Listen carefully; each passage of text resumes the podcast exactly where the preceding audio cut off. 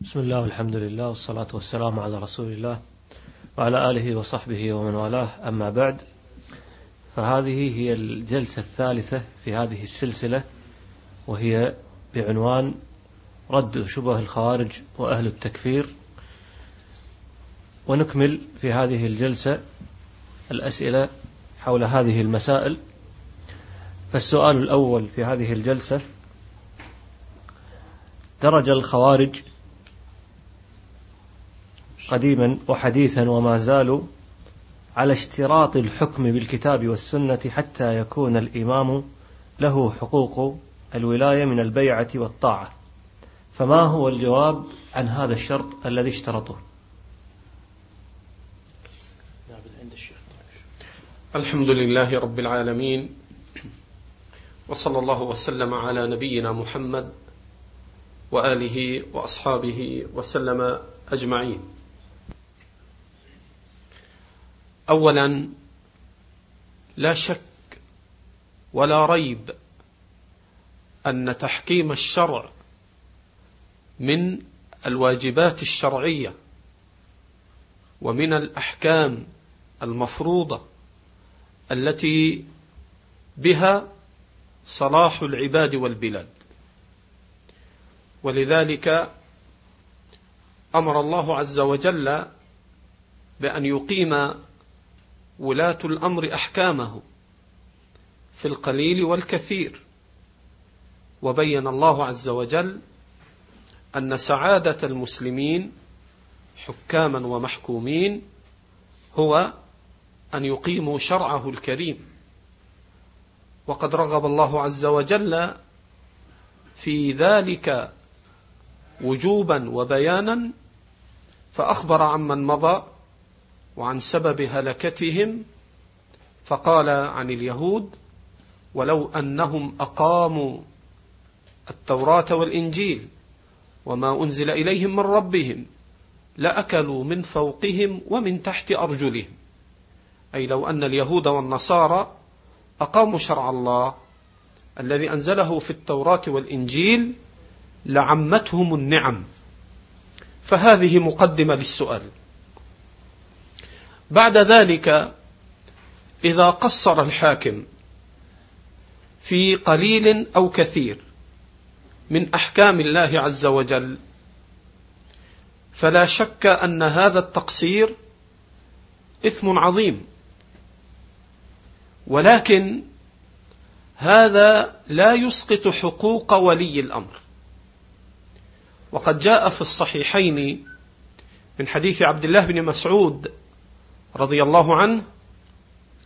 أن النبي صلى الله عليه وسلم قال إنكم سترون أثرة وأمورا تنكرونها قالوا فما تأمرنا يا رسول الله قال أدوا إليهم حقهم وسلوا الله حقكم أخرجاه في الصحيحين من حديث عبد الله بن مسعود رضي الله عنه وفي هذا الحديث من الفقه العظيم أن ولي الأمر إذا استأثر بالخيرات دون المسلمين وأتى بالمنكرات فالنبي صلى الله عليه وسلم ذكر أمرين قال إنكم سترون أثرة وأمورا تنكرونها فالفرق بين الأثر وبين الأمور المنكرة أن الأثر أن يستأثر بالخير دون الناس وعليكم السلام ورحمة الله وبركاته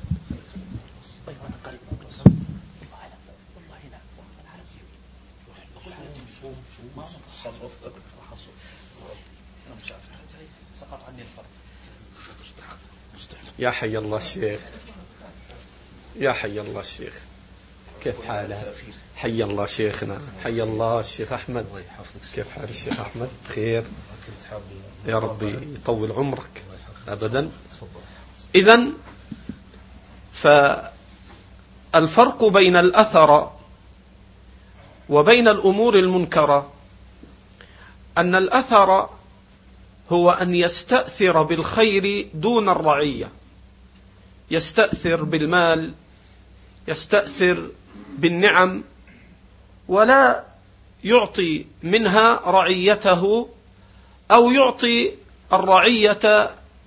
ما لا يوفي لهم حقهم وأمورا تنكرونها ليس فقط أنه يستأثر بالخيرات قد يستأثر بالخيرات ولكن يقيم العدل في غير ذلك لكن هذا الحاكم الذي أخبر النبي صلى الله عليه وسلم عنه أنه فعل الأمرين جميعا يستأثر بالخيرات ويأتي بالمنكرات إنكم سترون أثرة وأمورا تنكرونها قالوا فما تأمرنا يا رسول الله قال أدوا إليهم حقهم وسلوا الله حقكم ففيه أمران الأول أنه لم يجعل ظلمهم ولم يجعل منكراتهم ولم يجعل استئثارهم مسقطا لولايتهم ومسقطا ومسقطا لحقهم فاثبت حقهم مع ظلمهم واثبت حقهم من البيعه والسمع والطاعة في غير معصية مع كونهم ظلمة وقد استأثروا وقد أتوا بالمنكرات فلم يجعل ذلك سببا لإسقاط حقهم والثاني من الفقه قال وسلوا الله حقكم وفيه إشارة إلى التجاء الرعية إلى الله بأن يسألوا الله حقهم أن يصبروا وأن يتوبوا وأن يرجعوا إلى الله فإن الغالب الأعم أنه لا يسلط على الرعية حاكم ظالم إلا إذا كانت الرعية تستحق ذلك ولذلك قال العلماء في قوله صلى الله عليه وسلم وسلوا الله حقكم فيه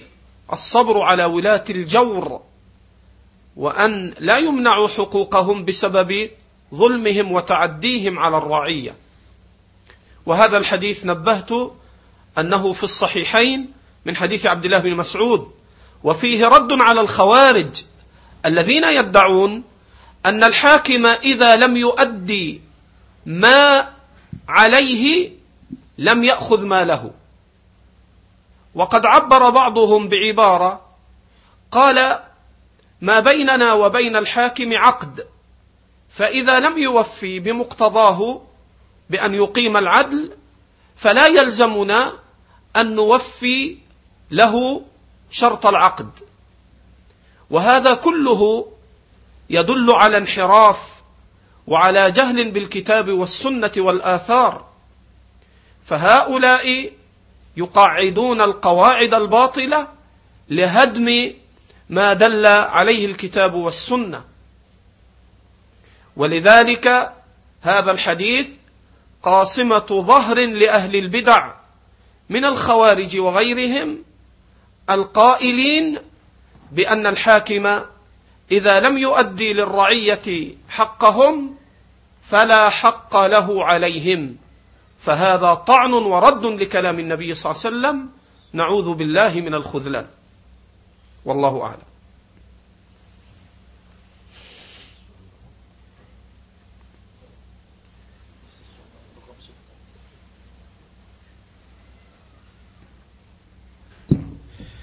السؤال الذي السؤال الذي يلي هذا السؤال وهو من يعني المسائل المهمة التي يعني ينتقل بها هؤلاء الخوارج للمسلم من إرادة موافقتهم لمذهبهم فإذا لم ينالوا منه بغيتهم انتقلوا منه إلى أن يزعزعوا يقينه ويجذبوا قدمه إلى مسألة تقاربه إلى مذهبهم أو تجعله في هدنة منه فالسؤال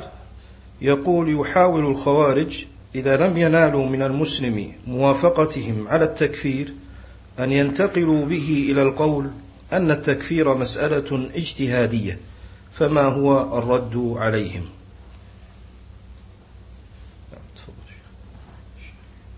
الله يطول عمرك عندك والله أنا ببالي تاخذها كلها من أولها لآخرها الحمد لله صلى الله وسلم وبارك على عبده ورسوله محمد وعلى آله وصحبه ومن اهتدى بهداه أما بعد فأولا عد المسألة اجتهادية أو غير اجتهادية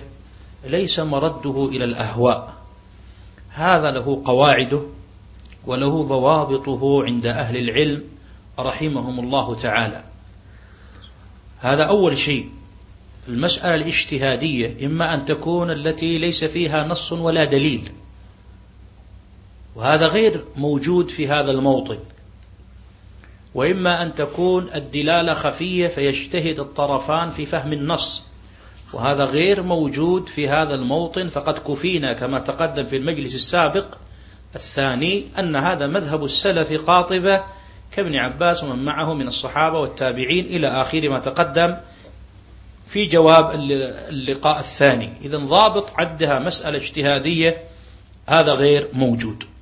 من أصله ثانيا هذه المسألة تقرر أنها اتفاق بين السلف قال شيخ الإسلام ابن تيمية رحمه الله في كتاب الإيمان الكبير وهو في المجلد السابع من مجموع فتاويه وبقول ابن عباس وتابع ابن عباس أحمد وإسحاق وعامة أهل السنة إذا أراد أنها خلافية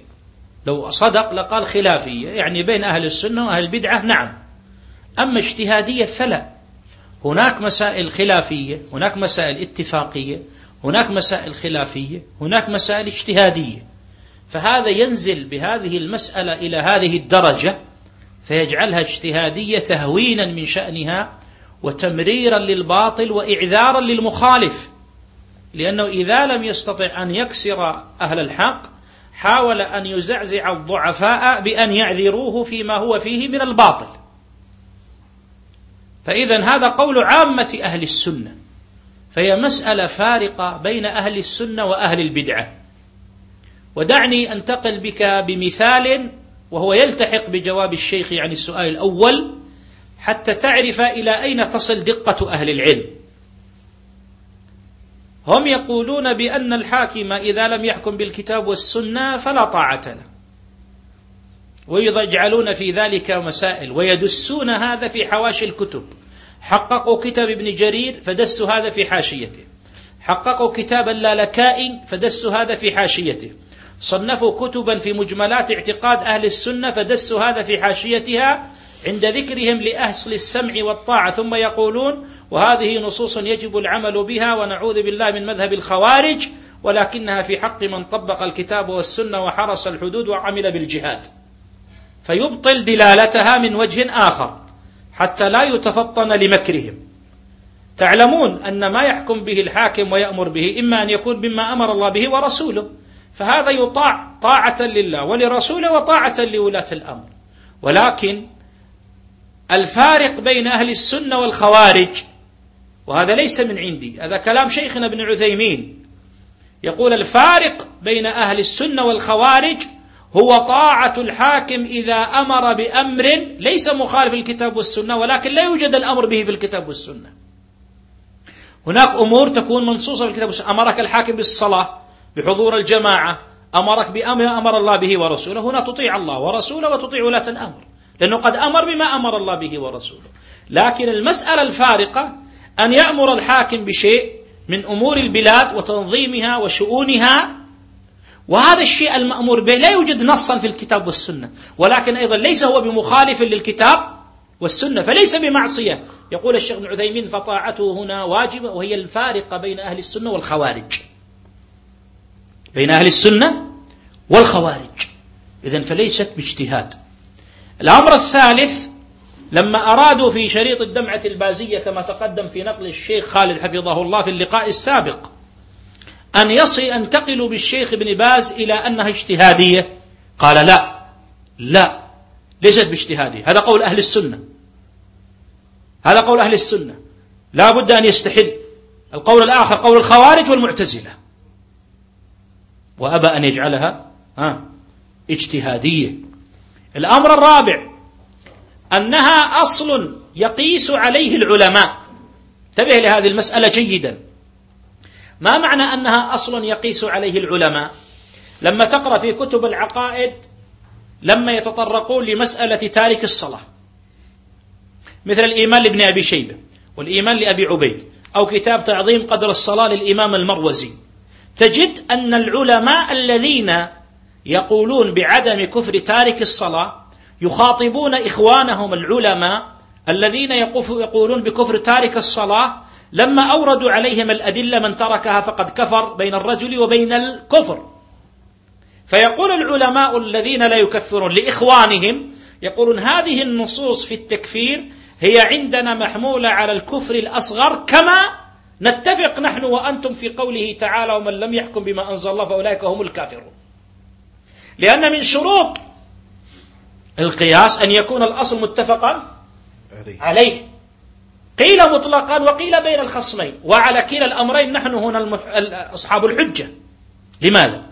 لأن العلماء الذين يكفرون بترك الصلاة والذين لا يكفرون كلهم متفقون على عدم الكفر بالحكم بغير ما أنزل الله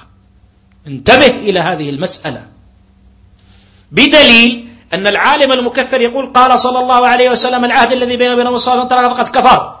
وقال بين الرجل وبين الشرك أو الكفر ترك الصلاة فيقول له أخوه العالم الآخر لا هذا النص أنا أفهمه مثل ما فهمت أنا وأنت قوله ومن لم يحكم بما أنزل الله فأولئك هم الكافرون فأصبحت هذه الآية بهذه المسألة أصل يقيسون أصلا يقيسون عليه الخلاف في مسألة الصلاة لا العكس الموجود اليوم العكس أن يقولوا مسألة كفر الحاكم خلافية بين أهل السنة كمسألة تارك الصلاة فعكسوا والخطورة ليس أن يأتي هذا من الحزبيين الصرحة ولكن أن يأتي هذا التقرير في كتاب دفع الشبهات آه، آه، الشبهات العصرية على الدعوة الإصلاحية مثلا لعبد العزيز الرئيس فيقال إن المسألة مسألة كفر تارك الصلاة ومسألة الحكم بغير ما أنزل الله كلاهما سوى في الخلافية هذا غلط انتبه لهذا فالذي يصنف أنه دحر للشبهة هو يحمل بين كتفيه الشبهة لما نرجع إلى كتب السنة نجدهم والله ارجعوا إلى مسألة تارك الصلاة ارجعوا تجدونهم ينصون يجعلون ومن لم يحكم ما أنزله لكم الكافرون أنها كفر أصغر باتفاق الطرفين فهم يتنازعون في الصلاة فمنهم من يعيد إلى هذه النصوص ومنهم من يقول لا فانتبهوا لهذه المسألة الأمر الخامس أنهم غير صادقين في دعواهم أنها اجتهادية كيف؟ لو كانت اجتهادية لماذا وصف الطرف الآخر بأنه مرجئ؟ وبأنه حمار السلطان وبغلة السلطان وجزمة السلطان وطاقية السلطان إلى آخره هل فعلا المسألة الاجتهادية يتعامل معها بهذه اللغه الهجوميه التبديعيه التي جعلوا فيها من لم يقل بقولهم بهذه الاوصاف بل اشد من ذلك جعلوا ان من لم يقل بقولهم في التكفير لم يكفر بالطاغوت وعليه لم يحقق احد ركني لا اله الا الله. وضح هذا الامر؟ اذا كيف اجتهاديه؟ انهم يعبثون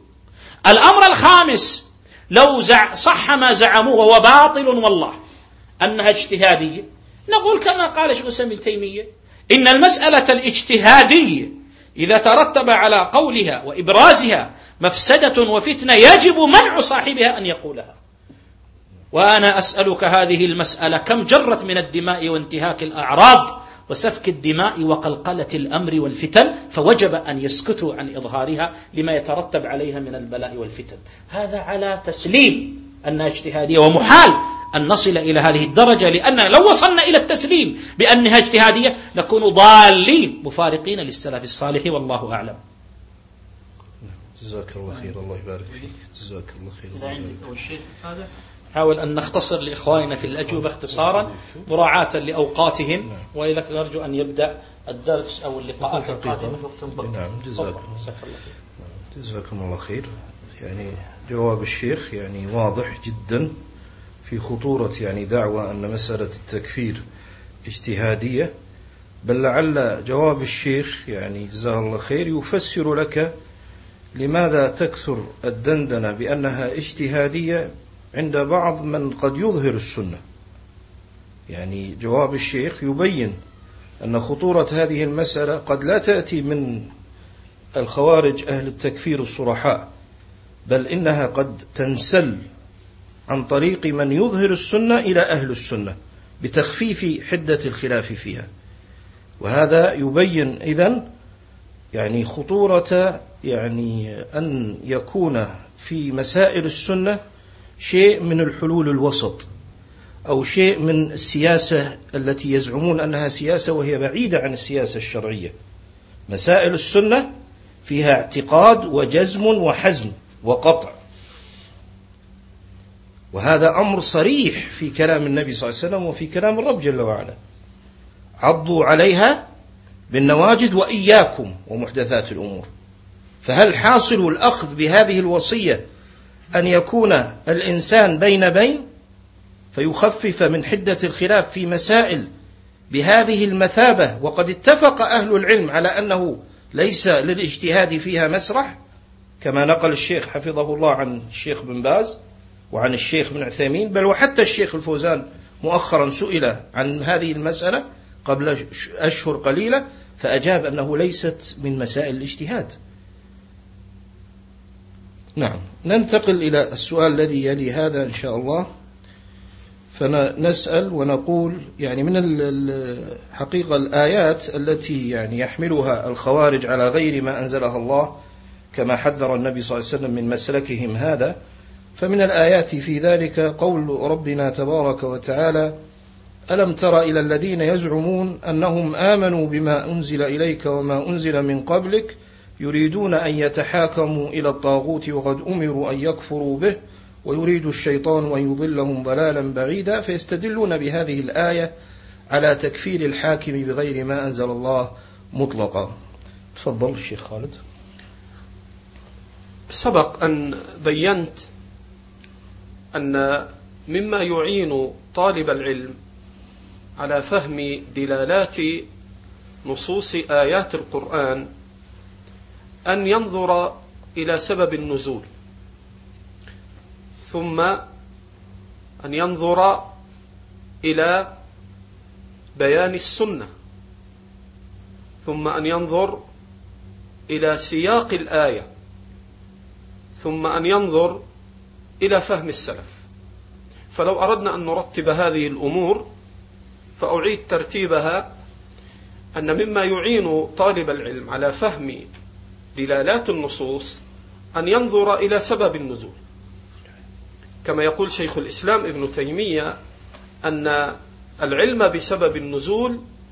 مما يعين على فهم المراد من النص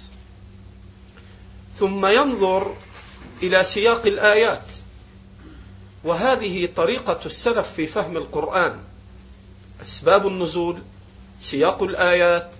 السنة فهم السلف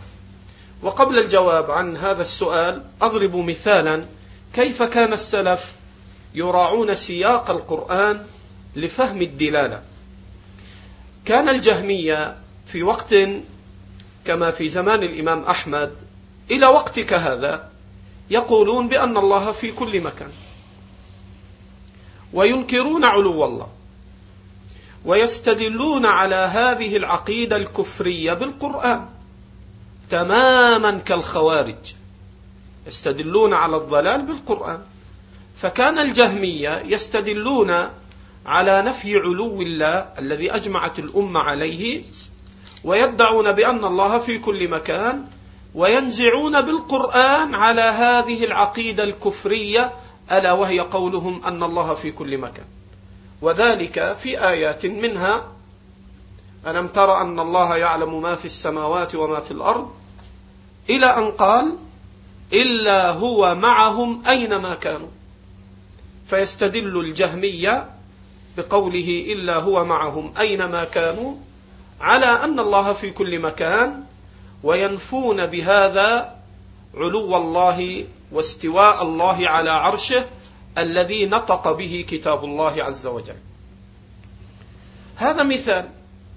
فلما عرض هذا على الإمام أحمد فقال الإمام أحمد وهنا الشاهد اقرأ ما قبلها وما بعدها افتتحها بالعلم واختتمها بالعلم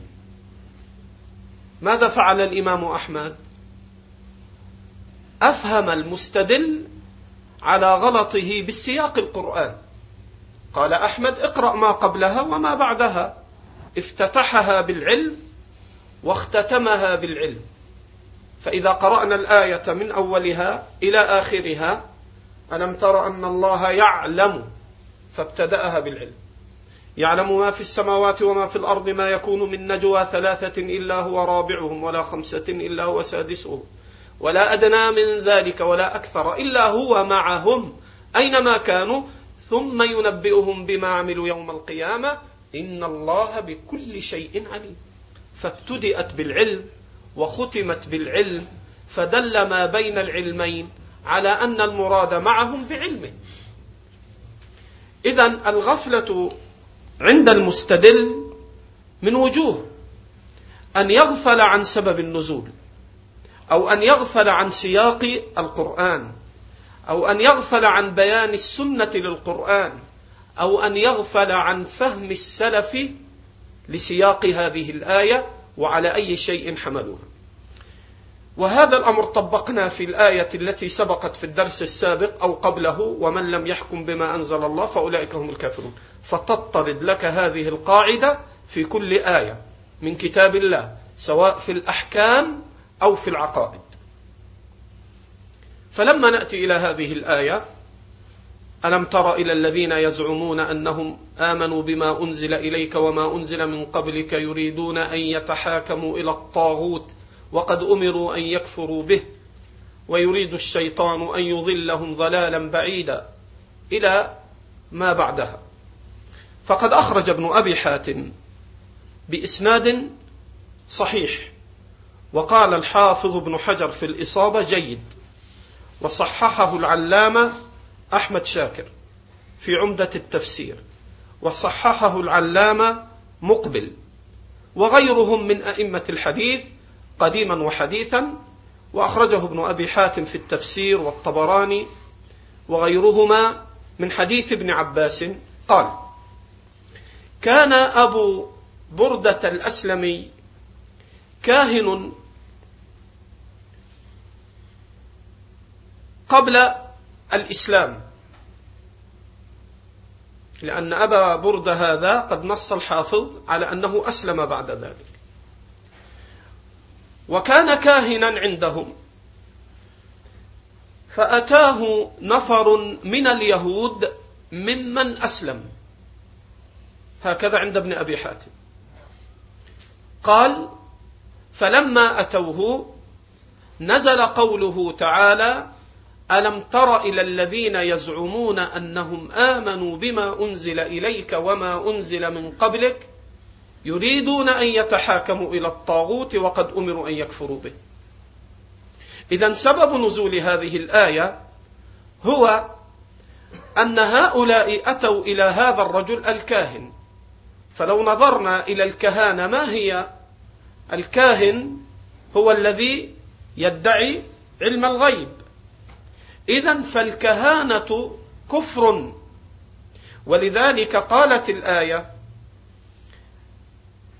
ألم تر إلى الذين يزعمون أنهم آمنوا بما أنزل إليك وما أنزل من قبلك يريدون أن يتحاكموا إلى الطاغوت الطاغوت هنا هو ذاك الكاهن الذي كان يدعي علم الغيب فلو أنك أتيت الآن إلى رجل يدعي علم الغيب ولم تكفر بدعواه واعتقدت انه يعلم الغيب ماذا تكون نعوذ بالله يكون هذا كافر لانه جعل علم الغيب لغير الله ومن اعتقد ان غير الله يعلم الغيب قليلا او كثيرا فهو كافر اذا فالايه جاءت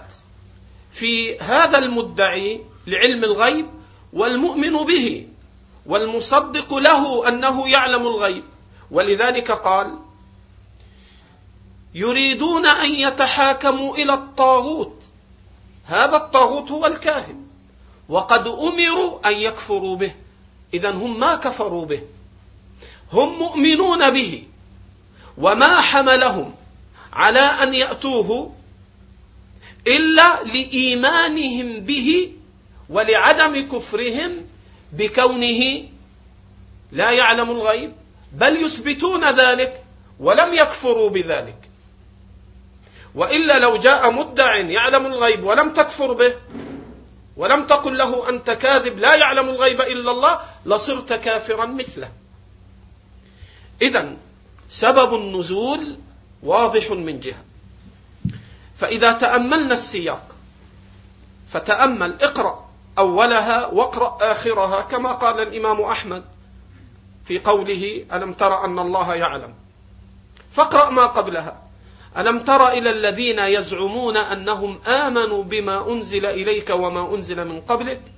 يريدون أن يتحاكموا إلى الطاغوت وقد أمروا أن يكفروا به إذا هم لم يكفروا به هذا واحد قال الله عقب ذلك ويريد الشيطان أن أن يضلهم ضلالا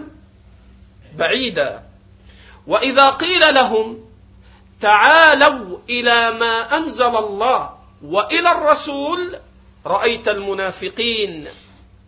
يصدون عنك صدودا اي لا يقبلون ما انزل الله ولا يقبلون ما جاء عن رسول الله ولا يرتضونه بل يصدون ويعرضون عنه اذا هؤلاء جمعوا بابين من الكفر الباب الأول هو إيمانهم بهذا الكاهن وعدم كفرهم به وهذا كفر مستقل والثاني أنهم لم يرضوا ولم يقبلوا ما أنزل الله وكل من لم يقبل ما أنزل الله ومن لم يؤمن به فهو كافر وهذا كفر مستقل فجمعوا بين الكفرين ظلمات بعضها فوق بعض ثم انتبه من الذي يروي سبب نزول هذه الايه هو ابن عباس الذي صح عنه من اوجه حين فسر قول الله تبارك وتعالى ومن لم يحكم بما انزل الله فاولئك هم الكافرون قال ابن عباس ليس بالكفر الذي تذهبون اليه وسبق بيانه انه صحيح وجاء من طرق وبيان من خرجه الى اخره. اذا ابن عباس الذي يفسر ويروي سبب نزول هذه الايه هو نفسه الذي حدثنا وروى لنا وقبل كلامه الامه بالقبول والتسليم في قوله تعالى ومن لم يحكم بما انزل الله فاولئك هم الكافرون. فهذا بيان سبب النزول. وهذا بيان سياق القرآن وهذا بيان السنة ما جاء من الأحاديث المتواترة عن النبي صلى الله عليه وسلم في الحكام الذين يعطلون قليلا أو كثيرا من حكم الله ومنه ما جاء عند ابن ماجه من حديث ابن عمر صححه الألباني وغيره وأخرجه الحاكم وغيره قوله وما لم تحكم أئمتهم بكتاب الله إلى غير ذلك مما سبق بيانه فهذا بيان سبب النزول وبيان سياق القرآن وبيان السنة وبيان السلف فالسلف مجمعون على أن الكفر بالنسبة للحاكم الذي لا يحكم بأنزل الله كفر دون كفر كما سبق في كلام الشيخ فضيلة الشيخ أبو العباس نفع الله به إذا فعندك الآن هذه الأصول الأربعة في فهم النصوص سبب النزول والسياق والسنة وما فسره السلف فحينئذ تنكشف عنك الغمة إذا وفقك الله للفهم نعم تسأل الله الشيخ خيرا على ما أفاد وأن وأن الآية إنما نزلت أصلا في المنافقين وأن جذبها إلى ما يريد هؤلاء فيه يعني تحريف لكلام الله جل وعلا ومعانيه وهذا واضح بفضل الله تبارك وتعالى كما قال الشيخ لمن نور الله بصيرته السؤال الذي يلي ذلك وهو أنه أن الخوارج يكثرون وهذا أمر مشاهد وملاحظ في كل جهودهم يكثرون من استعمال الأناشيد للتأثير على الشباب فهل من نصيحة للشباب حتى يحموا من مثل هذا الإغضاب والتهييج بهذه الحيلة التي يتخذها الخوارج بالإكثار من ذكر الأناشيد في كل جهودهم كما يعلمه كل أحد فالشاب يأخذ يتلقف الشبهة قبلها نشيد ويختارون من الأناشيد ما يعمي العقل بإغضاب هذا المسلم لله وبإثارة غيرته فيكون مهيئا لأن تنزلق هذه الشبهة في قلبه عياذا بالله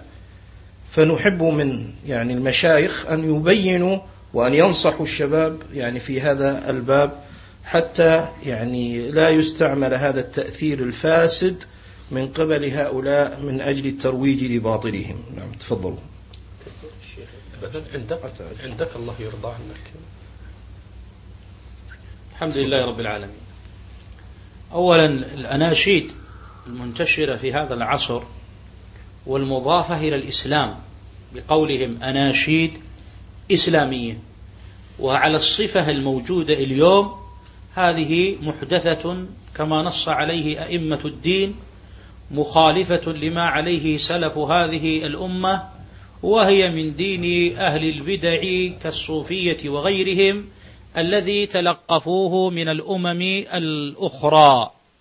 الذين يتخذون الإنشاد والأصوات الحسنة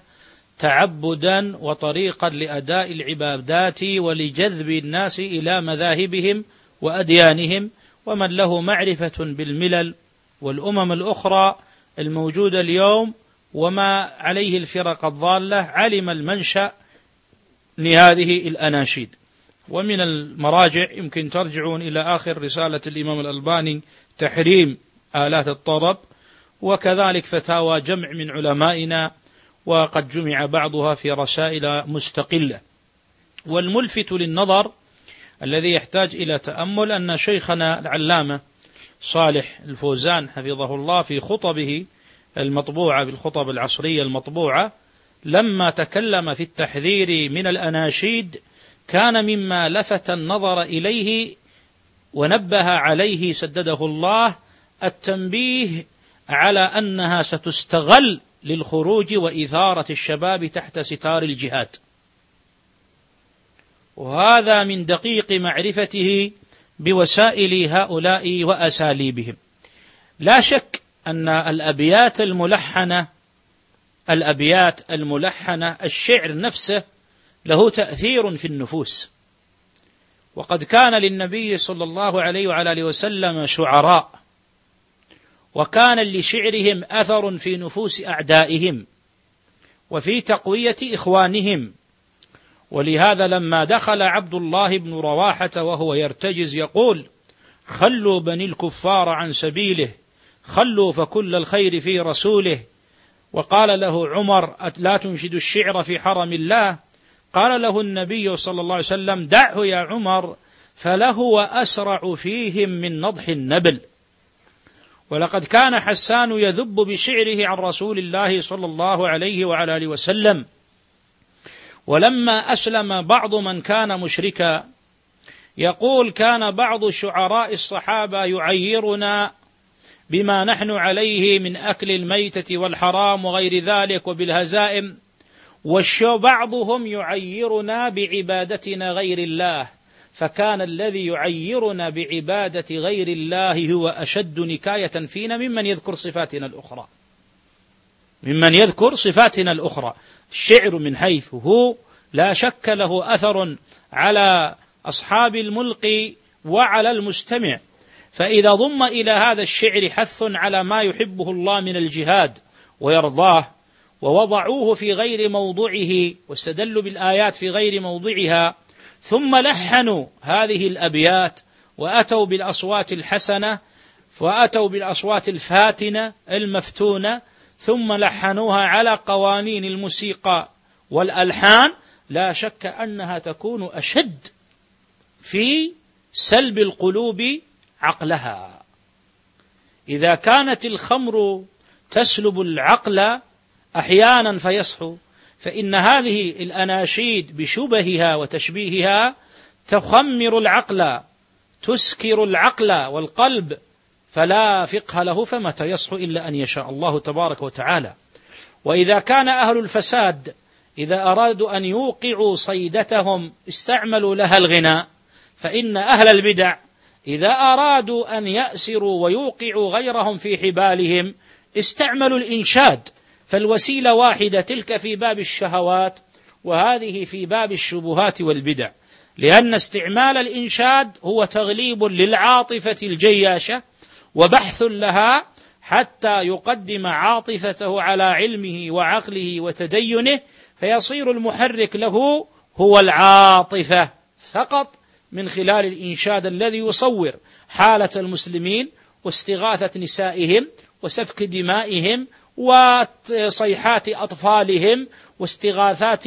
يعني جرحاهم فيصور هذا بشعر مؤثر بليغ ثم صوت ناعم مؤثر ولحن مؤثر فلا شك في هذه الحالة تقوى العاطفة عنده فتغطي بصيرته فلا يرى إلا هذا الدرب وكثير ممن سلك هذا الطريق كانت بدايته ومقوياته هو الأناشيد الإسلامية الجهادية والله أعلم فيكم بارك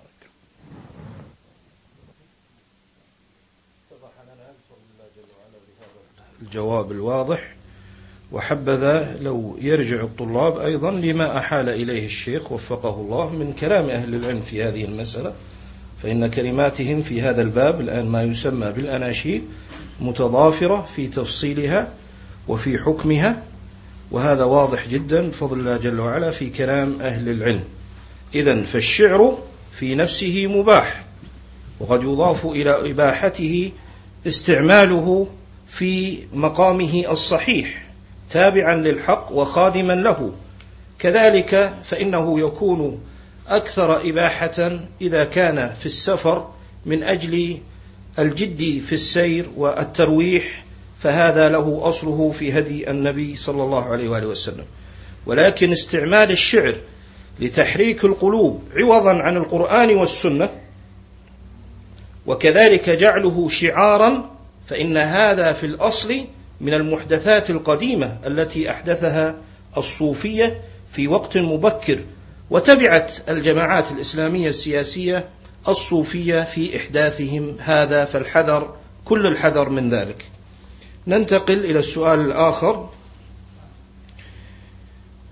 السؤال يقول هل مسألة التكفير والخروج تختص بالقاعدة يعني قاعدة بن لادن وهذا المعروفة بالقاعدة بغض النظر عن أسمائها الأخرى كما لا يخفاكم فهل هذه المسألة مسألة التكفير والخروج تختص بالقاعدة أم أن للجماعات الإسلامية السياسية الأخرى قسط من هذه البدعة نعم تفضل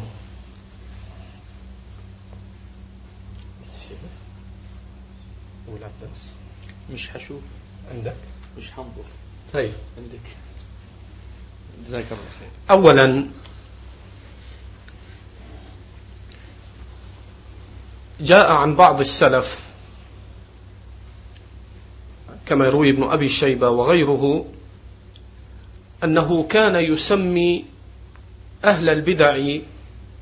كلهم خوارج ويقول اختلفوا واتفقوا على السيف اختلفوا واتفقوا على السيف أي أن أهل البدع اختلفوا في كثير من المسائل التي بينهم لكن كلهم مع اختلاف مشاربهم على سبيل الاغلب يصل امرهم في نهايه بدعهم الى السيف فكان يسمي كل هؤلاء انهم خوارج وقد جاء عن بعض السلف قوله ما ابتدع رجل بدعة إلا استحل السيف ما ابتدع رجل بدعة إلا استحل السيف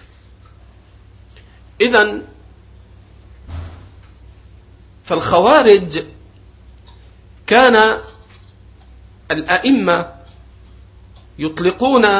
أحيانا هذا اللفظ على من يكفر بالكبيرة ويرى الخروج وعلى من يرى الخروج وإن لم يكفر بالكبيرة ولذلك نص تلميذ الإمام أحمد وهو ابن هانئ في كتابه ناسخ الحديث ومنسوخه أو هو منسوخه قال وكل من خرج على السلطان فهو من الخوارج أي أنه قد يخرج على السلطان فلو سألته هل تكفر هذا السلطان يقول لا لا أكفره ولكني أخرج عليه لأنه ظالم هذا من الخوارج كفر بالكبيرة أو لم يكفر ولذلك علم علماؤنا بعلامة للخوارج أن الخوارج من يرى السيف ولذلك تجد في كتب أهل السنة حين يتكلمون عن بعض هؤلاء يصمونه بقولهم كان يرى السيف يرى الخروج وقد ذكر أبو الحسن الأشعري في كتابه مقالات الإسلاميين حين ذكر فرق الخوارج فعدد فرقه وقد قال شيخ الإسلام ابن تيمية بأن أبا الحسن الأشعري في مقالات الإسلاميين هو من أعرف الناس بالفرق من أعرف الناس بالفرق فلما تعرض أبو الحسن الأشعري في كتابه المطبوع الموجود متداول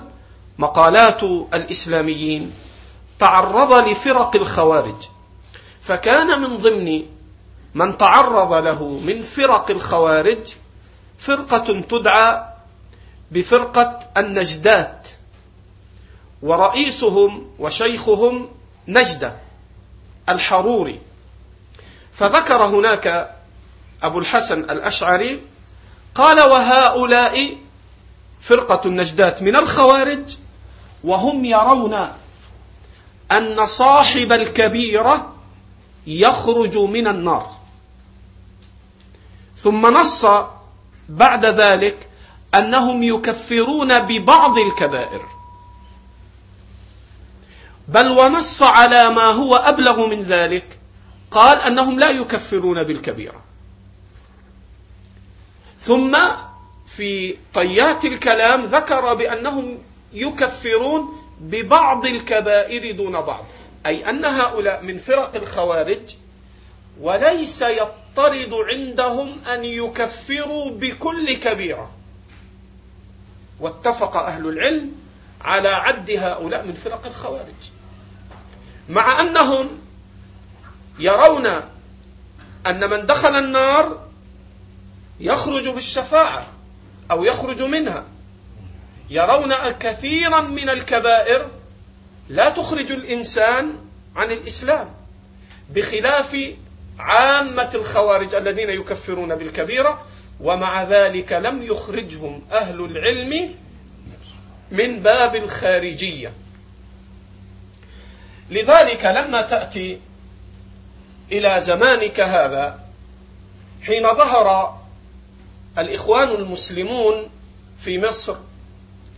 وكانوا لا يرون بالتكفير بالكبيرة كقاعدة مضطردة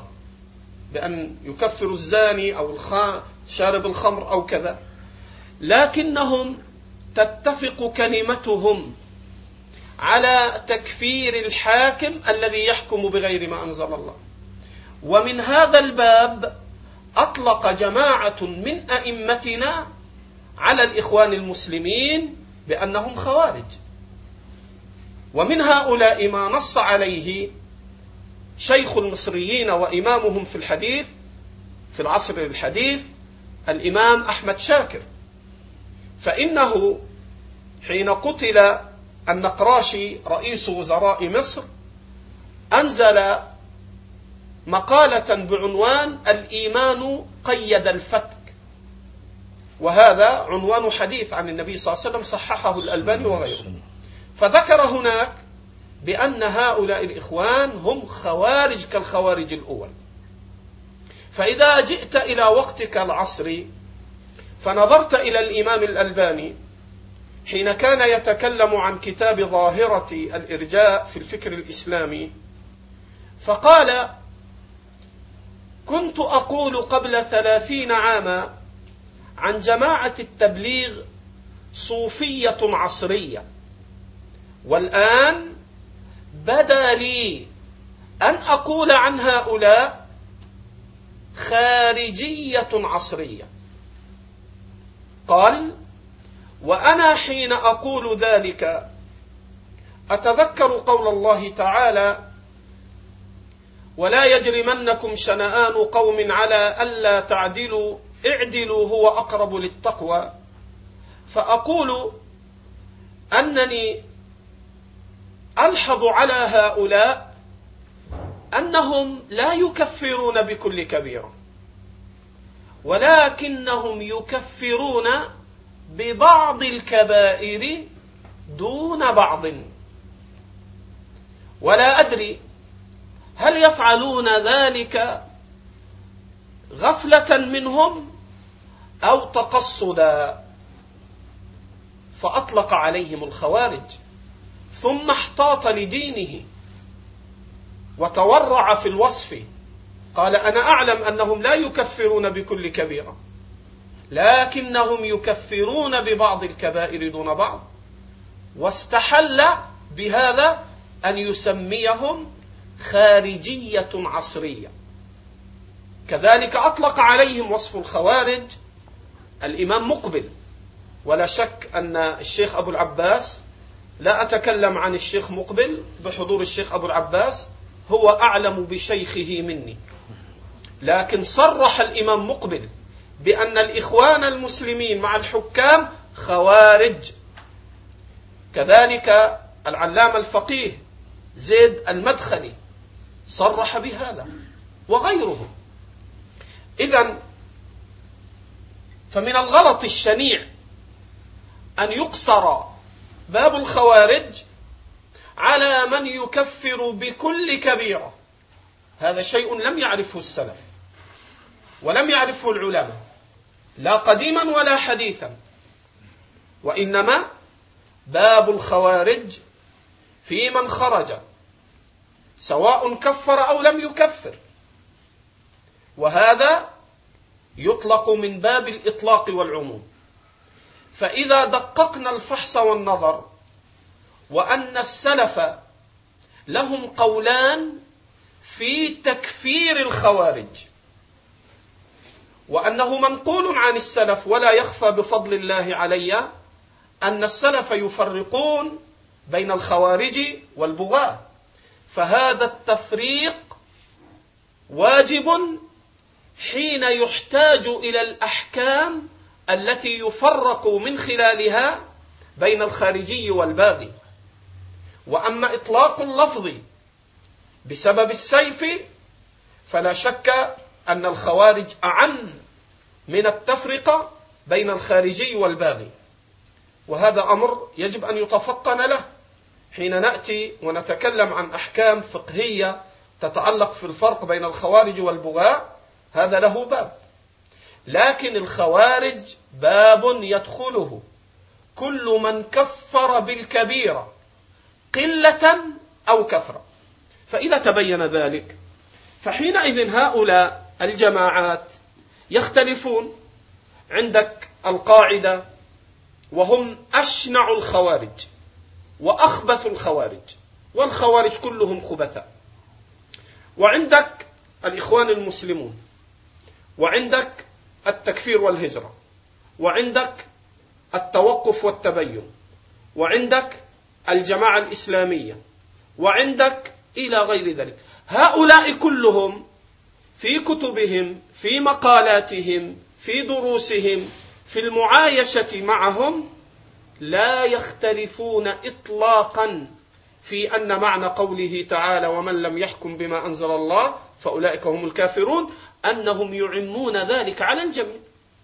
وهذه تجربه عشتها في مصر على اختلاف هذه الفرق نجالس الاخوان المسلمين فيحتجون بالايه على التكفير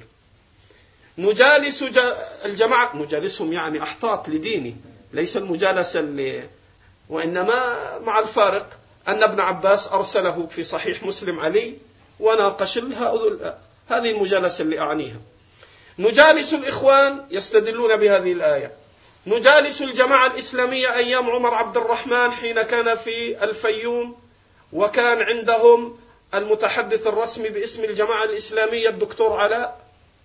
قبل أن يقتل يستدلون بهذه الآية نجالس جماعة التكفير والهجرة يستدلون بهذه الآية نجالس التوقف والتبين نجالس طلائع الفتح الذي كان زعيمهم في القليوبية يحيى شحرور كلهم تطرد كلماتهم في هذا الباب وهذا شيء نعلمه يقينا كعلمنا بطلوع الشمس حين تطلع نعم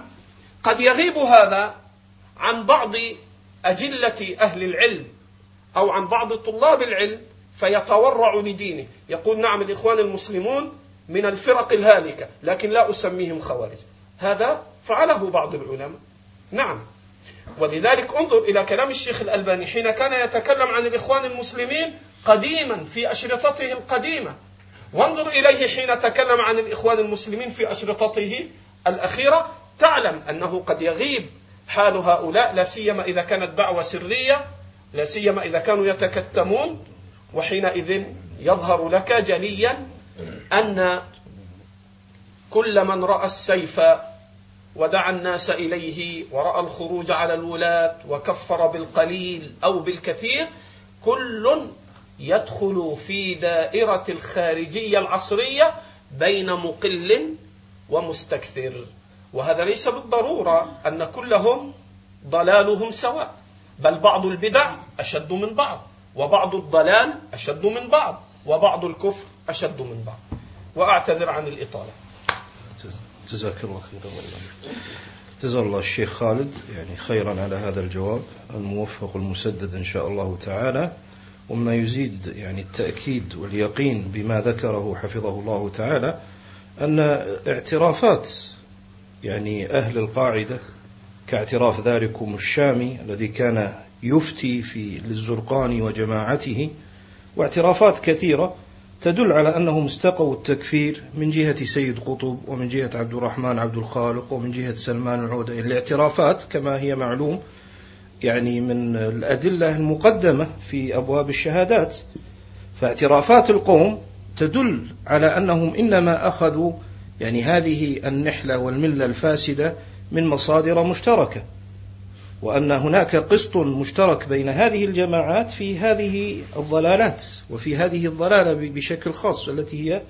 التكفير ولذلك تجد يعني إلى اليوم مثلا في التراث يعني في طورها يعني الجديد المناسب للظروف المناسبة بغض النظر عن المقاصد الله أعلم اللهم اصلح أحوالنا وأحوال المسلمين لكنك تجد أنه لا يزال منهم جانب ينتسب إليهم ثم يعلن بالتكفير وتجد المقابلين له الذين يزعمون السنة لا ينكرون عليه إنكار السنة والبدعة إذا فلا يزال هذا القسط المشترك موجود بين سائر هذه الجماعات عندك أبو العباس شيء تحب أرجو المعذرة يبدو أنني سأمل لكم لا تفضل أريد بس أن أضيف إضافة مختصرة لأن هذه مسألة مهمة أي نعم لأن إذا تصورها يعني يعني إذا إذا فهمها المسلم عموما وصاحب السنة خصوصا يكون عنده ضبط للمسائل لأن السنة ليست تنظيم سياسي حزبي السنة علم وإيمان فإذا ما كان الإنسان عنده علم وإيمان واعتصام بالحق والسنة يضبط له نظره وحكمه فس يتيه ويطيش امام تلاعب هذه الجماعات وتلونها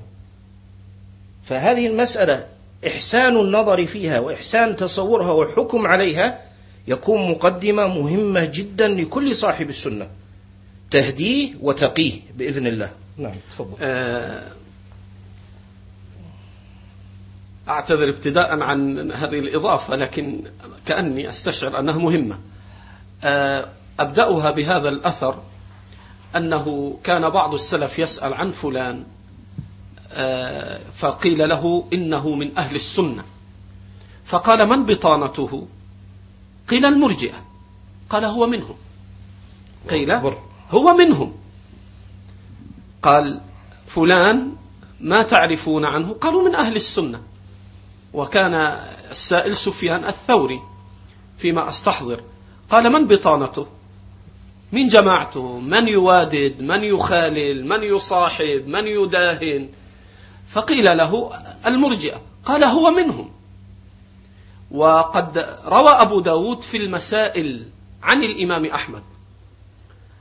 قيل يا أبا عبد الله وذكره أبو يعلى في طبقات الحنابلة وهو من مسائل أبي داود عن أحمد يا أبا عبد الله أرأيت رجلا يماشي صاحب بدعة قال بين له لعله لا يعرف بدعته قلت فإن بينت فأبى إلا أن يماشي قال ألحقه به ألحقه به فمن هنا أقول كنا نناقش بعض الناس عندنا في البلد هناك في مصر من كبار الإخوان المسلمين وكان هذا مسؤول من مسؤولهم هناك مسؤول شعبة يسمى سعيد شديد موجود إلى الآن فحصل بيني وبينه نقاش طويل فقلت له سيد قطب يكفر ويكفر المجتمعات وسردت له كلمات كثيرة من سورة يونس وغيرها من ظلال القرآن فلما ذاق به المقام قال نحن لا نؤمن بفكر سيد قطب قلت صح لأنه ست اللي طبعت كتب سيد قطب أسخر به ستي يعني جدتي احنا نسمي في مصر الجدة ستي قلت أيوة أنتم لا تؤمنوا بفكر سيد قطب لأنه ستي الله يرحمها هي اللي طبعت كتب سيد قطب أنتم طبعتم سبعة عشر طبعة كتب سيد قطب وما زلتم إلى يومكم هذا تطبعونها وتبثونها في العالم فإذا قيل بأن الإخوان يكفرون نقول نبرأ إلى الله نحن ليس على فكر سيد قطب إذا من الذي يطبع كتبه؟ من الذي يبثها؟ من الذي يهيج الشباب عليها؟ من الذي يعظم شأنها؟ من الذي يتولى توزيعها في العالم الإسلامي في مصر في بلاد الشام في بلاد الحجاز حتى بلاد العجم في الهند والباكستان ظلال القرآن ملئت به المساجد وثم بعد ذلك حين يقال بأنكم تكفيريون تقولون لا نحن ما لنا علاقة بسيد قطب ثم قلت الآن مواقع الإخوان المسلمون الإخوان المسلمون عندنا في مصر الذي يعبر عن الإخوان المسلمون في مصر أمران إما المركز العام مركز الإرشاد الرئيسي هكذا يقولون أو مكتبة الدعوة مكتبة الدعوة إيش يعني؟ يعني الإخوان المسلمون عندهم مكتبة عندنا في مصر تسمى مكتبة الدعوة لها أصلان في الإسكندرية وفي القاهرة هذه المكتبة الكتب التي تطبعها هي التي تمثل فكرة الإخوان المسلمين طيب الآن ادخل موقع مكتبة الدعوة لا دخلته يا رب الله يبعدك عن أهل البدع وعن مواقعهم تجد من 400 كتاب التي هي مراجع للإخوان المسلمين أفراح الروح لسيد قطب الذي هو من أخبث كتب سيد قطب في التكفير وستجد رقم ستة في حرف الألف إلا بقى إذا زاد كتب أو نقص ممكن العدد يختلف رقم ستة أفراح الروح لسيد قطب وهم الذين يطبعون كتبه وهم الذين يبثونها في العالم ثم بعد ذلك يقول نحن ندعو إلى السلمية نحن لا نكفر نحن نحن حتى أن بعض إخواننا التبس عليه أمر هؤلاء من هذا الباب وهذا في الحقيقة كما ذكرت أنه قد يخفى ولذلك كان أئمتنا يقولون بلدي الرجل أدرى به بلدي الرجل أدرى به إذا ينتبه لهذا حتى لا يلبسوا على الناس دينهم فأحببت أن أضيف هذه وأكرر الاعتذار للمرة الثانية وأرجو أن تكون الأخيرة جزاك الله خير الله يبارك فيك اتضح يعني من الشق الأول من جواب الشيخ وما نقله عن السلف الصالح أن السلف الصالح رحمهم الله تعالى بحسب الاصطلاح الطارئ اليوم الذي يراد منه أن يشيع في أهل السنة يتضح أنهم غلاة ومتشددون يعني النقول التي نقلها في البداية إذا تأملتها فستجد أن يعني من يصم أهل السنة اليوم بالشدة والغلظة فليصف بها السلف الصالح إن كان صادقا الأمر الآخر أن شيخ الإسلام ابن تيمية رحمه الله قال وإن الداعي إلى القول شر من القائل به تحب قبل أن ننتقل إلى السؤال الآخر تعلق بشيء ما هو تعليق لأن الجواب تفضل. يعني طال ولا كما قال الزهري رحمه الله إذا طال نسي نسي آخره أوله لكن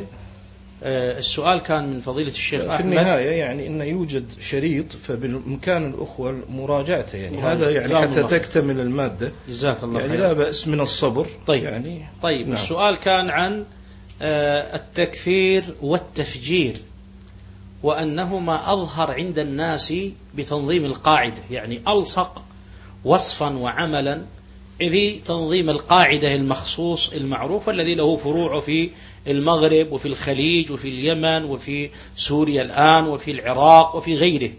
وأن التكفير والتفجير بالذات ما أن تحدث عملية اغتيال أو عملية تفجير نوعي يسمونه تفجير نوعي إلا مباشرة تجد الإعلاميين والصحفيين والإخباريين والسياسيين يقولون هذا عليه بصمة القاعدة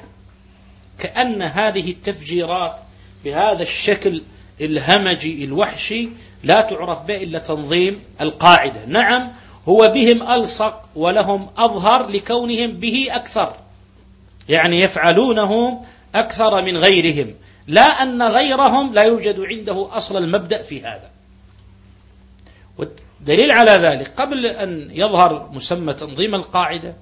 في عهد حسن البنا وكان هناك خطط للتفجير بأمر حسن البنا لتفجير الكباري والجسور سيد قطب أيضا ذكر هذا أن من الخطط كان لإرباك الدولة تفجير المباني وتفجير الجسور وتفجير الأماكن العامة والهجوم على وزارات الداخلية والخارجية إذا الأمر في كتاب لماذا أعدموني ها؟ نعم إذا الأمر أنه هنا صار إلصاقه حتى الإعلاميين حتى السياسيين بعضهم يعني إلصاقه فقط بالقاعدة باعتبار أنها أكثر ممارسة وتصور عملياتها وتبدأها بأنشودة في المقاطع الفيديو المصورة وتنهيها بأنشودة هذا بالنسبة للأناشيد المتقدمة فصار ألصق بهم وهذا غلط هو صحيح لأنهم أكثر وأشهر وأجرأ في هذا الباب ولكن غيرهم الأصل موجود ولكن هم استقلال واستكثار إظهار وإخفاء فأصل الجماعات هذه كلها موجود تنظيم محمد سرور تنظيم عبد الرحمن عبد الخالق عندهم التكفير والتكفير إنما هو من أبرز الطرق للتفجير بمعنى قبل أن يأتي التفجير يسبقه إيش التكفير أنت تظن أن رجلا مسلما يعتقد أن الذين بين يديه مسلمين والذين في هذا المبنى مسلمون والذين في هذه السيارة والحافلة مسلمون وأن الذين في قسم الشرطة والجيش مسلمون والذين في قسم الاستخبارات مسلمين والذين في دفاع المدني والطوارئ والمطافي مسلمين ثم يحمل حزاما ناسفا يعرف أنه سيقتل حالا ويفارق أهله وأبناءه وزوجته وأطفاله ويغادر الدنيا إلى الآخرة يريد الجنة والحور فيهجم على هؤلاء يعتقد أنهم مسلمين مثله هل هذا جاري في عادة الناس؟ هل هذا جاري هذا خيال هذا ما يجري في عادة الناس أنت تمسك حيوان قد أحل الله لك ذبحة تذبحه وقلبك وفؤادك يرتعد إزهاق روحه لولا ما أباحه الله هذا كيف يعتقد أن هؤلاء مسلمين ويعلم أن تفجيره سيقضي على المئات وسيقضي على الآلاف وسييتم أطفال وسيرمل نساء وسيزعزع الأمن لا يفعل هذا إلا وقد سبقه التكفير ولكن كما قلت هؤلاء ما بين مستقل ومستكثر ومخفي ومظهر فقط أما لماذا هؤلاء يظهرون وهؤلاء يخفون الأمر مرحلي الأمر مرحلي ولا ينزعجون من هذه العمليات إلا لأن أصحاب هذه العمليات الوقت غير مناسب لا لأن العمليات غلط وهذا الذي يقررون في كتبهم وما يوجهون به الرسائل للطوائف الجهادية المسلحة فيقولون الاختلاف في الوقت والتوقيت لا في أصل العمل فلا بد أن تلاحظوا أن من أسباب الافتراقات بينهم ملاحظة الوقت ولسنا نشك أن أهل الأهواء والبدع حتى الخوارج هل هم فرقة واحدة؟ الخوارج فرق كذلك هؤلاء هم فرق يتفقون على أصل الخروج يتفقون على أصل التكفير يتفقون على أصل المنازعة والتفجير ولكنهم يختلفون إما في الوقت أو في الكمية أو في الأشخاص المستهدفين جيد يعني مثلا لهم اختلاف في اختيار النوعيات المستهدفة ناس أبد تبي تفجر أي شيء وأناس لا أصحاب خطط تكتيك إما أن يغتال رئيس أو يغتال رئيس الوزراء أول من حادث اغتيال عصري سياسي اغتيال النقراشي على أيدي الجناح العسكري لإخوان المسلمين الذين مربيهم ومنشئهم حسن البنا هذا أول اغتيال سياسي صريح لرئيس في الدولة هكذا في هذا العصر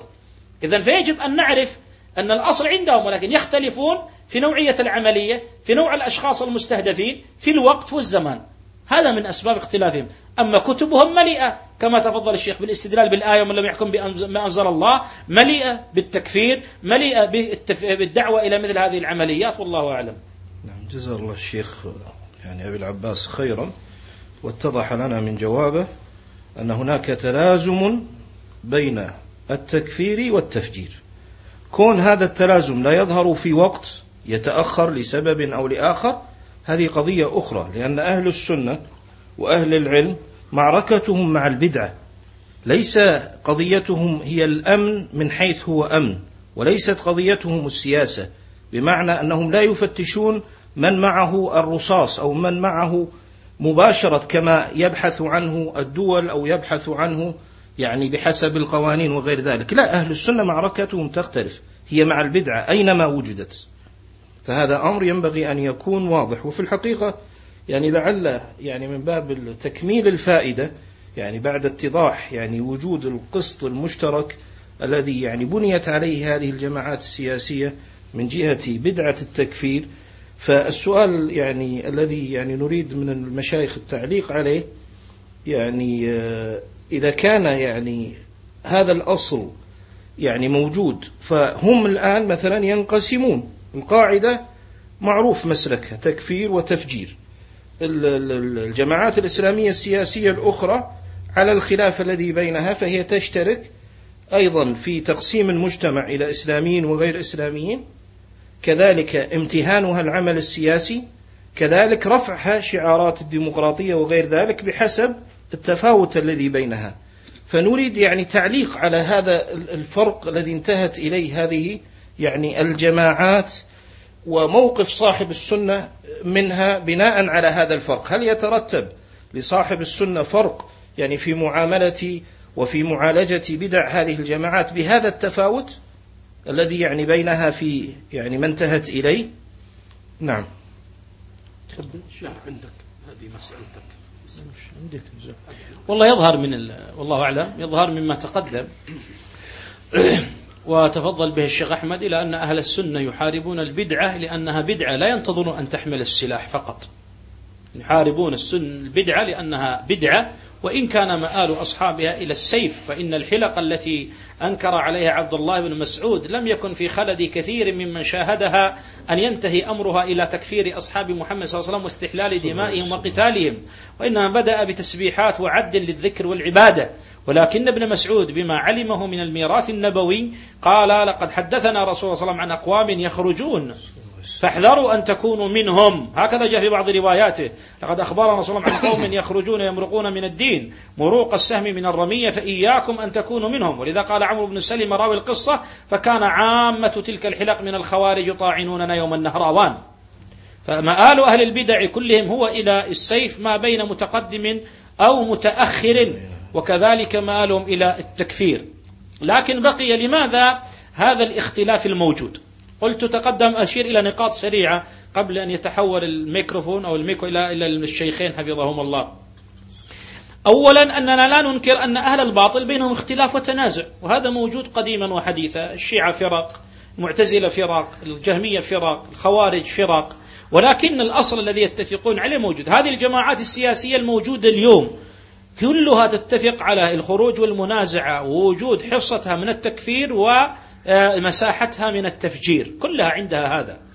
ولا وإن رفعت في مواطن شعار السلمية فلا ينبغي أن يخدع السني بأنه يجد تصريحات لبعض قادتهم بأن يقول نحن سلميون نحن دعوتنا سلمية نحن مظاهراتنا سلمية نحن لا نريد إلا السلمية أولا لأننا لا نثق بكلام أهل البدع ليس عندنا ثقات عدول ثانيا لأننا نجد عندهم التكفير الصريح مقرر ثالثا لأنهم يتولون كتب التكفير ويطبعون وينشرونها رابعا لأننا نجدهم أنهم لا ينادون بالسلمية إلا لما وجدوا أن الغرب أبدى استعداده السياسي والمسلح لدعم السلمية جيد فلما رأوا أن أقرب طرق لدعم الغرب وتأييده ووقوفي معهم هو السلمية رفعوا السلمية لا يريدون أن يتحد عليهم الغرب والدول العربية الموجودة فيكون الضربة لهم داخلية خارجية ولكن هم كما قال الله في اليهود إلا بحبل من الله وحبل من الناس ففي شابه اليهود في هذا أنهم يريدون حبلا من الناس من الغرب حتى يتقووا وإلا فإنهم في ذلة البدعة وجعلت الذلة والصغار على من خالف أمري فذل البدعة على جباههم ولكن بحبل من الناس من الناس يتقوون به ويصطادون به فإذا لا نغتر بتصريحاتهم بأنها سلمية فإذا نحن أولا مبدأ الفرقة بين أهل الفرق والبدع موجود بينهم الأمر الثاني أننا لا نستبعد التخطيط المسبق خصوصا أن من كتبهم الإسلامية المعاصرة الفكرية ما يدعو إلى مثل هذا التصور من قرأ في كتب الإخوان وخصوصا الإخوان في أحداث صناعة التاريخ علم أنهم كانوا يسلكون هذا المسلك أن فشخصا يقوم بعملية والتنظيم يعلن البراءة منه باتفاق مسبق باتفاق مسبق وهذا بعد ذلك الذي قرر صلاح الصاوي في كتابين مدى مشروعية الانتماء والكتاب الثاني الثوابت والمتغيرات أما في كتابه مدى مشروعية الانتماء فيقول لا نجد مانعا ولا غضاضة يج أن نتعاون مع جميع الفرق الإسلامية حتى التكفيريين الصرحاء في الاستعانة بهم والاعتضاد بهم والوقوف معهم صفا واحدا لإزاحة الطواغيت على الحكم وتصريحها الثاني في الثوابت والمتغيرات لما يقول لا يبعد إذا بلغت الصحوة مرحلة الرشد أن فريقا يقوم بهذه العمليات الجهادية التفجيرية والفريق الثاني لا يكون متورط بالإعلان عن استنكارها إلا عقب تنسيق مسبق فيكون فريق يقوم بهذه العمليات والفريق الثاني يظهر وإيش ويستنكر هذا أمر مقرر لا يجب أن, أن نغض الطرف عنه ما يصلح أن نغض الطرف عنه ونقول هذا رأي شخصي لا كتب صلاح الصاوي لها منزلتها فعبد المجيد الزنداني رأس ضلالة في اليمن مع الإخوان المسلمين في لقاء معه مع مجلة البيان السرورية لاحظ هذا القائد إخواني ذو المجيد معروف الزنداني فيلسوف ضال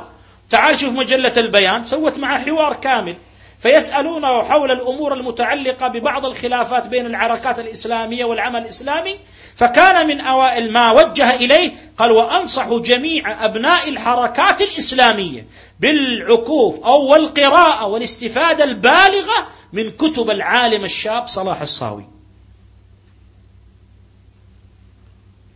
انتبهت الآن؟ نعم إذا هذه دعوة واضحة لأن يشرب ويعبأ ما في كتب هذا المنحرف صلاح الصاوي ليتربى جيل الصحوة الإسلامية على هذا النفاق بإظهار أن فريقا يفعل كذا والفريق الآخر يستنكر هذه أمور أربعة أو خمسة العد لمن يسمع أن هؤلاء بينهم خلافات قد تحدث حقيقية وهذا شأن أهل الأهواء قديما وحديثا ليش نستنكر ونستبعد هذا مع اتفاقهم على الأصل لكن بينهم خلافات حقيقية وقد يكون نوع من الخلاف الظاهر لنا هو خلاف مدروس على ما على رشدهم وعلى بلوغهم درجة الرشد والفكر النقي أن مجموعة منهم تقوم بهذه الأعمال المسمات بالجهادية والمجموعة الأخرى تستنكر ويتعشون سوية نعم نعم جزاك الله خير طبعا آه، يعني حتى على سبيل الفرض سواء كان هذا الفرض يعني من جهة الجدل أو من جهة الواقع يعني أقول حتى على سبيل الفرض سواء كان هذا الفرض من جهة الجدل يعني المناقشة أو من جهة الواقع لو فرضنا يعني أن دعواهم بالسلمية هي بالفعل هم صادقين فيها ففي الحقيقة أن هذا أشر وأنكى على الدين لأن معنى ذلك أنهم يحرفون الدين يبصقون فيه الديمقراطية والتعددية وكل شعارات الكفار يدخلونها في الإسلام فتحريف الدين مفسدة في الدين نفسه فإذا كان من يباشر القتل يفسد الأموال والأبدان فهذا إفساد من جهة في الدنيا لكن هؤلاء حتى لو كانوا سلميين وقد يكون قد يكون لأن بعضهم قد يتشرب يعني مبادئ الكفار وشعاراتهم كما أخبر النبي صلى الله عليه وسلم يعني في أن أقوام يكونون من بعده يتبعون سنن يعني القوم شبرا بشبر وذراعا بذراع فظاهر هذا الحديث لا يمنع وقد حصل في تاريخ الاسلام مرارا وتكرارا على مر الزمان انهم قد يتشربون الانظمه الغربيه تشرب المقتنع التام المستيقن هذا قد يوجد وهو موجود بقدر خاصه من المارقين الذين قد تخطوا يعني مراحل كبيره من من البدع والاهواء كالغنوشي والى اخره إذا فحتى لو فرض وجود أمثال هؤلاء فهذا أيضا يعني شر وأعظم هذا شر يرحمك الله هذا شر وأعظم على الدين ممن يقتل و... لأن هذا تحريف لدين الإسلام هذا هذا إضلال إضلال لعموم المسلمين ليست قضية أهل السنة هو اختلال الأمن أو أو الاقتصاد قضيتهم العظمى ما يرتبط بمصلحة الدين فينبغي للمسلم أن يعلم هذا تماما فليس من يهدد أمننا أو يهدد اقتصادنا ننهض لمسألته بمقدار إضراره لا هذا ليس من السنة السنة لا ترتب هذا الترتيب من يضر الدين ويحرفه فهذا هو الذي يعني يكون ينبغي أن يركز عليه نفي ما يلحق بهذا الدين العظيم المبارك الذي الذي رضيه الله جل وعلا لنا دينا حتى يبقى شرعة قائمة بيضاء كما يحبها الله ويرضى. عندكم شيء شيخ خالد؟ هذا لا يمنع كلامك واضح لكن أزيد لا يمنع أن نحن أهل السنة أيضا ننكر من يهدد أمن المسلمين طبعا ويهدد طبعا اقتصادهم ويهدد أموالهم ودمائهم هذا مفروغ منه وواضح إيه، نعم. كلام الشيخ وغيره ولكن لا نقصر على هذا الجانب ونجعل صاحب السلمية والبدعة غير المسلحة مسكوت عنه هذا غلط فأهل السنة يذبون, يذبون عن دين الله البدع مطلقة حملت السلاح أو لم تحمله وخطورة ما ذكره الشيخ في قضية السلمية ممن تشربوا بالأفكار الغربية إلى النخاع وأن هذا قد يكون موجودا وهذا أيضا لا يسلبهم حتى اسم المنازعة ولا اسم الخروج والتكفير وتعجب أن يكون يكفر المسلم ويحكم للكافر بال... بالإسلام يعني القرضاوي كان يرى حسن مبارك فرعون يقول فرعون مصر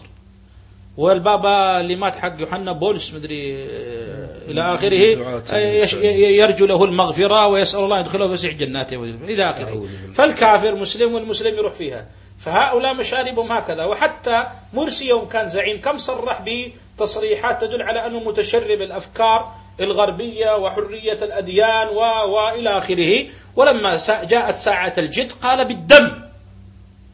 فمع ذلك قد يضطرون أيضا حتى من وصل منهم إلى هذه المرحلة إذا احتاج للدم وسفك الدم يفعله ولا مانع عنده نعم طبعا آه، مما يعني أيضا يزيد الأمر توضيح أنه لما قتل بن لادن كتب بعضهم يشكك يعني في الأخبار التي جاءت عن بن لادن كتب بعضهم من بطانة الجماعات يشكك في موضوع بن لادن وما ينسب إليه هذا يدلك على الصلة الوثيقة بين هذه الجماعات جميعا والمقصود بإضافة هو توضيح أمر لا بد من توضيحه كما سبق وحتى يعني يحقق العدل لأن نحن يعني فيما نحكم به على يعني ما يظهره الناس هو أقوالهم لكن لا بد من توخي العدل التام والدقة في ذلك والاحتياط في هذا الباب لمصلحة ديننا وحتى يعني تكون يعني أقوالنا بإذن الله مسددة إذا راعينا هذا العدل ويعني بما أن الشيخ خالد ليس عنده إضافة فأحب أن أختم يعني بالقول أن صاحب السنة والمسلم عموما إذا اتضح له أن صاحب بدعة معين سلك مسلك أهل البدع في الاستدلال متبعا لهواه فيكفي أن يقع في مسألة واحدة حتى يحذر يعني بمعنى أنه لا يلزم أن في أهل البدع أو أهل الأهواء أن تتعدد المسائل حتى يحصل لك اليقين أنه صاحب هوى هذا خلاف السنة ينبغي لصاحب السنة والمسلم إذا شخص واحد اتضح كذبه اتضح خيانته اتضح أنه يسلك مسلك الأهواء فهذا يكفي في مسألة واحدة أن تحذر وأن تحذر منه أيضا هذا أمر مهم هذا أمر مهم ولكن يعني ذكر يعني ما اشتهر من شبه القوم المقصود به كما قدمنا الإجهاز عليها وإقامة حجة الله ومساعدة من بلي بشيء منها وزيادة يقين صاحب السنة وإعطاء مواد لطلاب العلم يجاهد بها يعني من خالف السنة وهذه الإجابات يعني الموفقة المباركة يعني من المشايخ جزاهم الله خير ليس كل ما في جعبتهم بل إن يعني مسرح الرد على أهل البدع فهذا أمر واسع يعني بمعنى أنه من الإمكان الرد عليهم في هذه الشبهة التي ذكرت بما قيل وزيادة وزيادة وزيادة لكن بحسب يعني هذا المقام فيحصل الاختصار فليعلم ذلك جيدا ولذلك فأذكر يعني أذكر بوصية يعني شيخ الإسلام ابن تيمية رحمه الله التي ذكرها الإمام ابن القيم رحمه الله والتي قال عنها أنه انتفع بها كثيرا الإمام ابن القيم رحمه الله يقول انتفعت كثيرا بوصية شيخ الإسلام ابن تيمية وهي الوصية يعني إخواننا كلهم يعني حفظوها من كثر يعني ما يرددها يعني الشيخ أبو عثمان محمد العنجري وفقه الله تبارك وتعالى وهي لا تجعل قلبك للإرادات والشبهات كالسفنجة فما ينبغي للمسلم صاحب السنة أن يعرض نفسه للفتن والشبه ما ينبغي هذا الأمر هذا الأمر لا ينبغي للمسلم المسلم يعرف الحق ويتمسك به فهذا هو الأصل ونسأل الله تبارك وتعالى أن يردنا والمسلمين جميعا إلى الحق ردا جميلا ونسأل الله تبارك وتعالى أن من وفقه الله جل وعلا إلى طريق الحق والسنة أن يزيده يقينا ورسوخا وثباتا ومن بلي بشيء من الشبه أن يوفقه للانتصار على هواه ونفسه وأن يتبع الحق وأن يرجع إلى جماعته الأولى جماعة أهل السنة والجماعة وأسأل الله تبارك وتعالى أيضا أن يوفق من يخالفنا في شيء أو نخالفه في أشياء ألا يعني تدفعه المخالفة إلى اتباع الهوى وظلمنا فإن في ظلم الناس ظلم للحق وظلم للسنة فأرجو من أهل الديانة ومن أهل الإيمان وممن هم محبين للسنة ومتمسكين بها ممن يخالفنا في أشياء أو نخالفه في أشياء أن يراعي المصلحة العليا لدعوة السنة فإن هذا أمر مطلوب جدا في هذا الزمان وأسأل الله تبارك وتعالى أن ينصر الحق والسنة وأن يقمع البدع والأهواء هذا والله أعلم وصلى الله وسلم على محمد وعلى آله وسلم جزاكم الله خير الله يبارك فيك جزاك الله خيرا الله يحسن إليك الله يحسن إليك